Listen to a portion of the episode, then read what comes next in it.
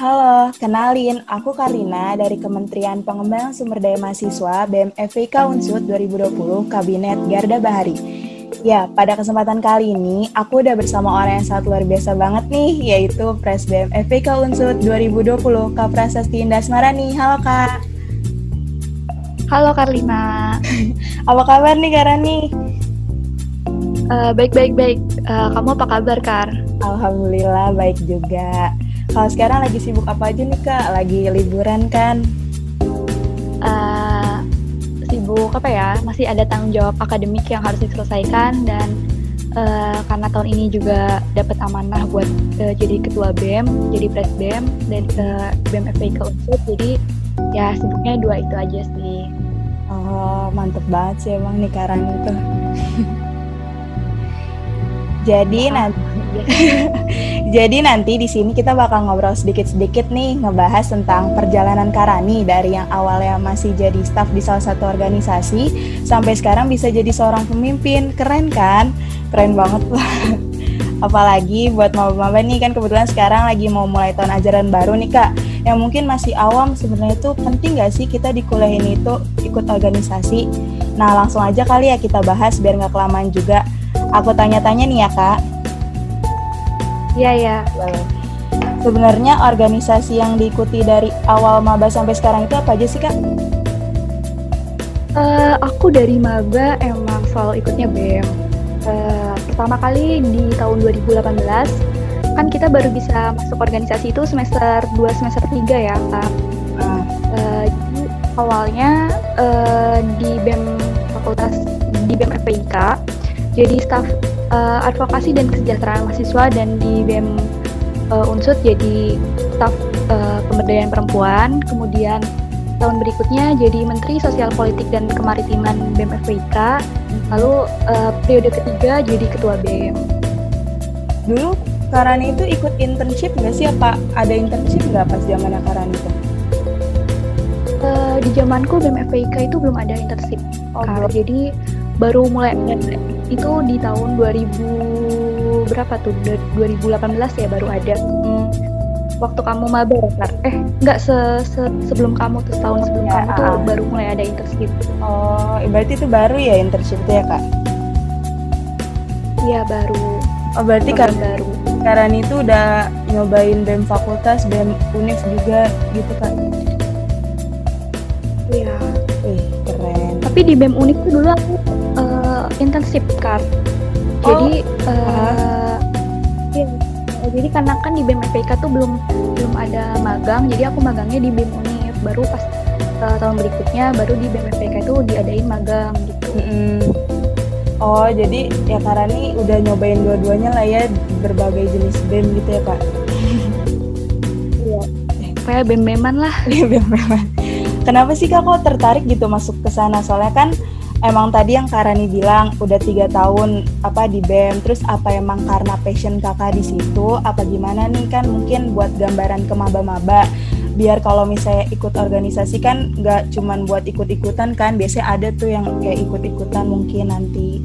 Apa gimana? Alasannya kenapa aku awal mula terjun BEM itu karena aku tertarik sama dunia uh, mahasiswa gitu. Nah, hmm. terus yang aku tertarik kira-kira apa nih ya yang cocok untuk mengembangkan diri aku.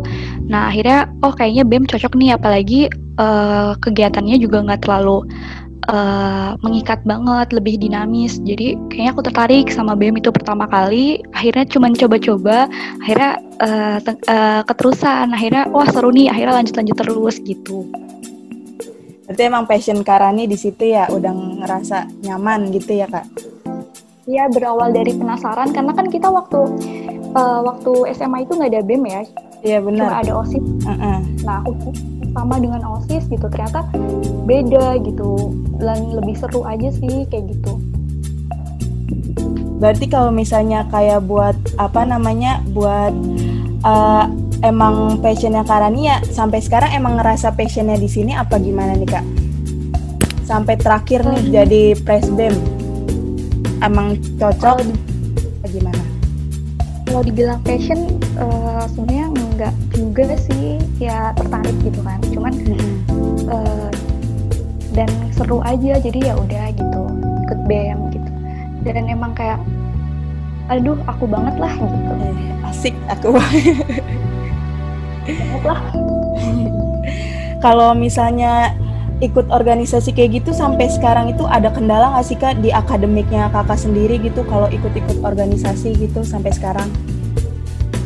Uh, Sebenarnya kalau untuk uh, hal apakah organisasi mempengaruhi akademik itu kembali ke individu ya kak. Mm. Nah uh, untuk aku sendiri uh, beberapa hal aku sempat kewalahan sih karena itu dari manajemen diri aku sendiri yang awal-awal uh, lebih uh, lebih berat ke organisasi. Cuman kan pada akhirnya kita harus uh, kewajiban kita juga dua-duanya harus tetap jalan gitu. Itu balikin ke diri sendiri aja sih. Soalnya kan ada yang uh, akademiknya lancar uh, prestasinya bagus nih di akademik dan ada yang prestasinya juga dua-duanya bagus. Ada yang lebih ke akademik ada yang lebih ke organisasi. Itu uh, semua hal bagus gitu. Uh, tergantung kamu tuh lebih pengen uh, jiwa sosialnya atau secara akademikal gitu. Tergantung kamu butuhnya apa sebenarnya kayak gitu. Cuman kalau kamu bisa dua-duanya itu adalah hal yang bagus gitu hal yang luar biasa lah. Kalau dua-duanya dapat nih prestasinya dua-duanya. Ya kalau bisa balance gitu ya kak keduanya bisa sama-sama jalan gitu ya. Ya cuman sejujurnya beberapa hal aku sempat uh, kewalahan sih. Kewalahannya kadang juga karena aku yang suka lupa dengan fisik gitu kesanggupan fisik akhirnya hmm. dihajar terus gitu ya. Jadi oh, pas awal-awal uh, kakak ikut ini organisasi ini? kan segala segala hal pengen aku cobain dan hmm.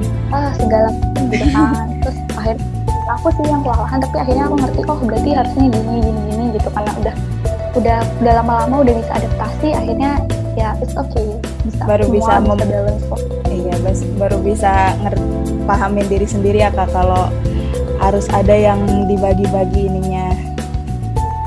Iya betul. Oh. terus kalau buat cara bagi waktunya nih kak kayak tadi kan apa namanya dari organisasi sama ke akademiknya biar sama-sama lancar gitu. Apalagi kan buat mungkin karena ini udah ngerasain juga dari awal nih gimana sampai sekarang buat kita kita nih yang baru. Mungkin masih pada kelimpungan kayak masih kayak masih bingung gitu gimana ini nggak ke nggak ke ini nggak ke kejar apa tugas-tugasnya kak? Sebenarnya kebalikin ke apa ya balikin ke diri kita sendiri prioritasnya mana. Nggak bisa uh, jujur aku uh, nggak terlalu sepakat sama yang persen-persenan uh, mana nih lebih banyak yang mana gitu. Karena uh, uh. hal itu uh, dinamis ya bukan statis yang prioritas harus selalu akademik harus ini. Ini kembali lagi uh, pada peristiwa apa prioritas kamu yang lebih diunggulkan. Tapi jangan lupa akademik adalah kewajiban kamu terhadap orang tua gitu. Jangan lupa kamu mungkin boleh sibuk ke mana pun tapi jangan lupa untuk adil ke diri sendiri terhadap akademik dan kesehatan gitu. Oh, jadi apa namanya tergantung kitanya sendiri ya kayak yang biar bisa bagi waktunya. Pinter-pinter bagi ya. waktunya gitu ya uh, prioritas aja sih. Kan ada suatu waktu uh, akademik nggak bisa diduakan dan ada suatu waktu yang organisasinya nggak bisa diduakan. Nah, kalau aku ngomong sekarang harus gini-gini kayaknya kesannya nggak terlalu apa ya nggak realistis aja sih. Karena kan pada akhirnya suatu kenyataan juga nggak bisa kita apa ya tolak ukur dengan angka yang statis kayak gitu. Nggak bisa yang tadi awal Karani bilang di persen-persenin lebih utamain mana gitu ya bisa jadi lihat suatu kondisi aja sih. Makanya uh, waktu kamu masuk organisasi nanti akhirnya kamu uh, adapt adaptasi skill kamu itu dilatih. Akhirnya kamu bisa beradaptasi dengan uh, kondisi yang mana kamu harus uh, mementingkan akademik mementingkan uh, organisasi dan kegiatan lainnya gitu. Iya itu keasah banget sih untuk dan survive skill ya. Iya benar-benar. Terus kalau sampai sekarang aman-aman aja berarti ya kak nggak nggak ada yang kayak ke kepentok inilah kayak terbentur ini sekarang aman-aman aja ya dari awal gitu antara akademik sama organisasinya. Kalau terbentur sih beberapa kali pasti ya kak. Cuman hmm. uh, bohong kalau misalnya uh, dua hal itu nggak pernah terbentur dan nggak ada yang aku korbankan. Pasti ada. Cuman uh, ya itu balik lagi uh, aku sadar dengan konsekuensi apa yang aku ambil dan jadi aku nggak mempermasalahkan ketika salah satu akhirnya aku korbankan. Karena jujur uh, untuk membalancekan itu perlu banyak hal yang uh, kita pikirkan gitu. Cuman sejauh ini uh, sempat aku mengorbankan akademik tapi uh, aku paham dengan konsekuensinya. Jadi menurut aku itu bukan suatu hal yang uh, apa ya besar gitu untuk aku permasalahkan.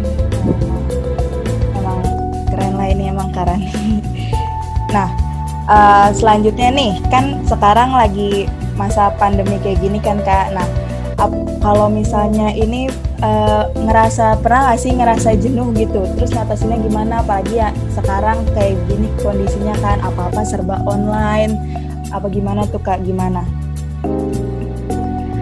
kalau jenuh kayaknya sih sempet bukan jenuh ya tapi bingung.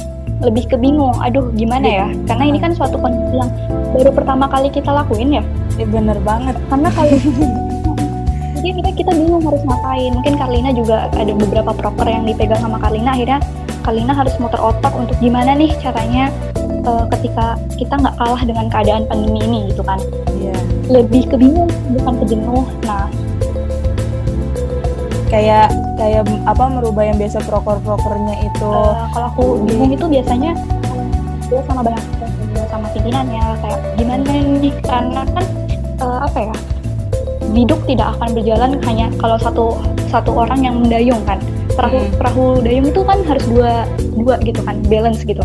Jadi untuk apa aku punya partner wakil kalau uh, cuman aku yang memikirkan itu gitu. Makanya aku selalu mikir suatu hidup tuh nggak bakal berjalan kalau hanya satu pihak yang uh, mendayung gitu. Aku sering ngobrol gitu sama wakil aku gimana enaknya dan kalau misalnya aku lagi di titik yang aduh capek nih atau ada hal yang lebih aku prioritaskan uh, pasti aku nanti bilang tolong diganti dulu gitu-gitu. Jadi uh, apa ya kamu harus paham walaupun kamu pemimpin kamu juga punya uh, partner untuk uh, bekerja bersama untuk menjalankan organisasi ini gitu. Kamu nggak sendiri gitu. Makanya berbagi itu dalam suatu organisasi kan kita melatih teamwork ya. Mm-hmm. bukan work aja jadi pentingnya tuh di situ. Makanya itu melatih banget teamwork kita untuk bagi tugas dan lain halnya biar kamu nggak kewalahan sendiri gitu. Ya apalagi kan kayak sekarang up yang harusnya prokernya bisa berjalan offline tapi lagi kayak gini jadi online. Semua kan apa jadi PR tersendiri ya kak? Ya bener banget. Karena uh, kalau misalnya kita lagi offline kan kita bisa melihat tahun lalu dan nah, banyak iya. oh ya bisa dengan gampang. Sedangkan ini kondisi yang pertama kali baru kita alami dan uh, kondisinya itu terjadi ketika kita udah musker dan lain-lain ya karya. Iya, Jadi nggak siap dengan ini sejujurnya kayak, aduh gimana nih motor kotak gitu dan untungnya uh, ya pada bisa untuk memikirkan oh gini cara menanganinya. Jadi ya di dengan kondisi ini uh, kemampuan kita beradaptasi juga tambah diasah sih menurut aku untungnya masih ada jalan setiap broker tuh masih bisa gitu di ad, ada caranya buat online diganti ya kak. Masih aman-aman aja jadinya. Iya aman. Cuman kalau apa ya aku melihat sesuatu hal itu kita kan uh, organisasi nggak cuman uh, menjalankan broker ya. Bukan BEM itu badan event mahasiswa ya jadi nggak cuma menjalani broker gitu jadi kalaupun ada broker yang pada akhirnya nggak bisa ya nggak usah dipaksain yang penting uh, hal-hal kayak advokasi mahasiswa yang suara-suara mahasiswa atau hmm. uh, kebutuhan mahasiswa itu tetap kita dengar gitu. di situ sih untuk saat ini tahulah prioritas mana dibandingkan kita harus memaksakan proker semua terlaksana gitu. Kalau misalnya dari zaman-zaman awal kakak ikut BEM gitu, awal ikut organisasi itu kayak masih jadi staff ada ngerasa jenuh gitu masih kak? Kan mungkin sekarang uh, apa namanya dijalanin aja jadi presbem nah dulu kayak masih belum tahu belum begitu paham nih kayak masih baru-baru pernah nggak sih kak?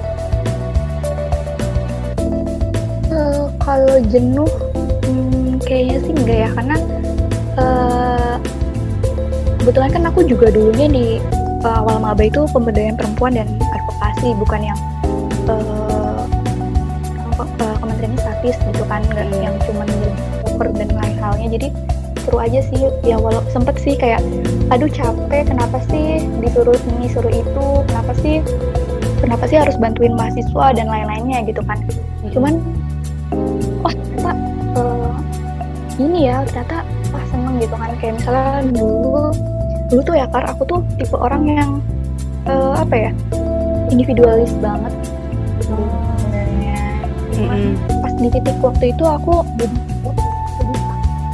aku mikir ya ya udahlah kenapa kamu harus uh, kalau kamu bisa kenapa? Gitulah pokoknya intinya gitu. Terus di satu titik ketika aku uh, jadi staf advokasi ada mahasiswa yang ternyata nggak bisa bayar UKT dan uh, hal lainnya aku naik turun tangga dan macem-macem. Mm-hmm. wah seneng juga nih ngebantuin mahasiswa yang yang uh, membutuhkan pertolongan gini-gini tuh. Wah ternyata uh, kepuasan kita terhadap uh, menolong orang tuh ada gitu. Jadi akhirnya aku seru nih buat ngebantu gitu-gitu. Iya senang juga berbagi kebaikan ya kak. Kayak ngebantuin orang yang yang lagi kesusahan kita bantu. Gitu kan ada kepuasan tersendiri ya kak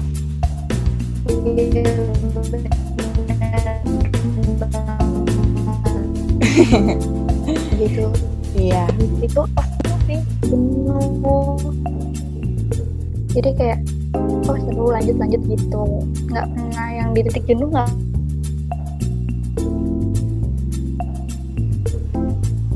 Paling ngeluh doang ya kak? kalau capek hmm. pernah banyak gitu kan. Karena kan juga ya sebenarnya. Mm. iya kalau doang aduh capek nih kenapa sih? Gitu gitu ya, ya itu ya. mah wajar ya kan? Kayak emang wajar. lagi mm -mm, bener nah, aku uh -uh. kalau jenuh sih enggak oke okay. mungkin terakhir nih kak bisa ngasih pesan gak nih buat yang baru mau terjun ke dunia organisasi nih buat biar nggak pada ragu gitu kan apa namanya sebenarnya tuh uh, apa namanya penting gak tuh organisasi itu di kuliah ini?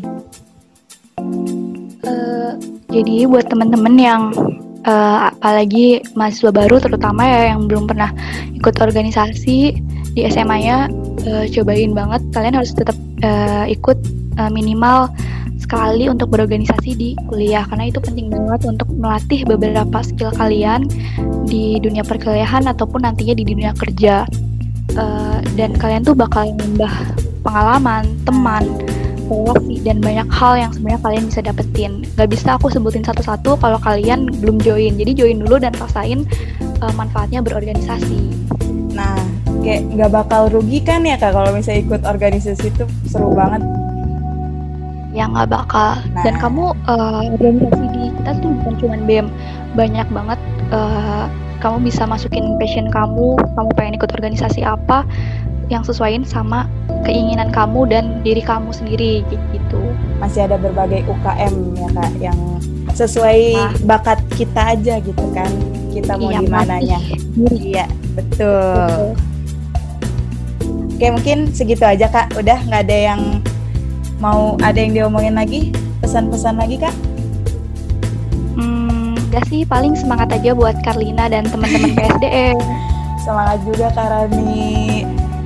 Iya Oke mungkin sekian dari podcast Leader Talk kali ini Makasih banyak nih buat Kak Rani yang udah nyempetin waktunya Mau ditanya-tanya sedikit sama aku Iya makasih juga Karlina yang udah memberikan wadah kita buat sharing-sharing Dan sampai ketemu di uh, kegiatan love iya. ini ya kak ya iya kak masih ada beberapa rangkaian lagi loh ya oke okay. oke okay. Makasih kak Rani. Makasih kak. Iya. sampai jumpa. Sampai jumpa. See you guys